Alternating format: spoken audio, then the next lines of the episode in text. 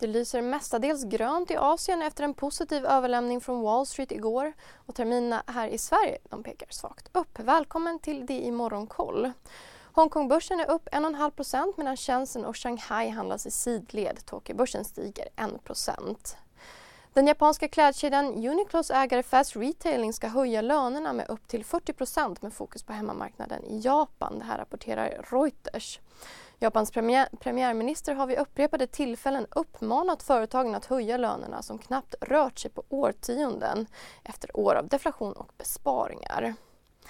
Alltså, Australiensis detaljhandelsförsäljning steg till rekordhöga nivåer i november driven av Black Friday trots att räntorna fortsatte stiga. Dessutom reviderades oktoberutfallet upp. Vi fortsätter vidare över till USA. Efter en skakig inledning av börsdagen så stängde samtliga index på Wall Street upp. Nasdaq på plus 1% och S&P 500 upp över en halv procent. Rapporteringen har dominerats av en rad uttalanden från Fed-representanter, bland annat Jerome Powells framträdande här i Stockholm igår. Han tillbringade ju dagen på Riksbankens symposium och sa då att Fed är fast beslutna om att få ner inflationen. Hej, Ulf Kristersson här. På många sätt är det en mörk tid vi lever i. Men nu tar vi ett stort steg för att göra Sverige till en tryggare och säkrare plats. Sverige är nu medlem i Nato. En för alla, alla för en.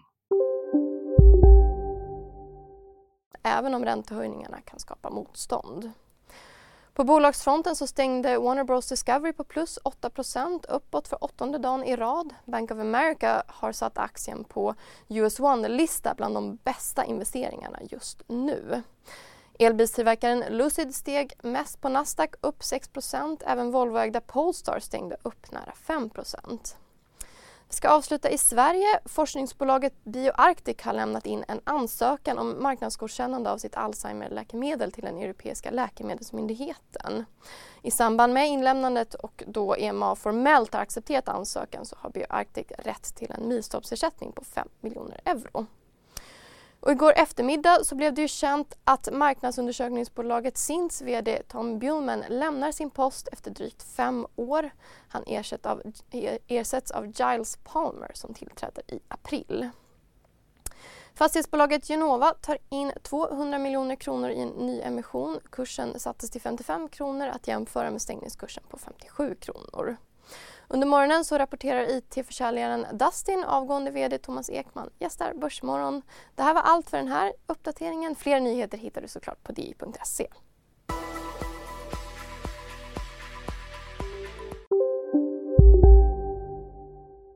Har du också valt att bli egen?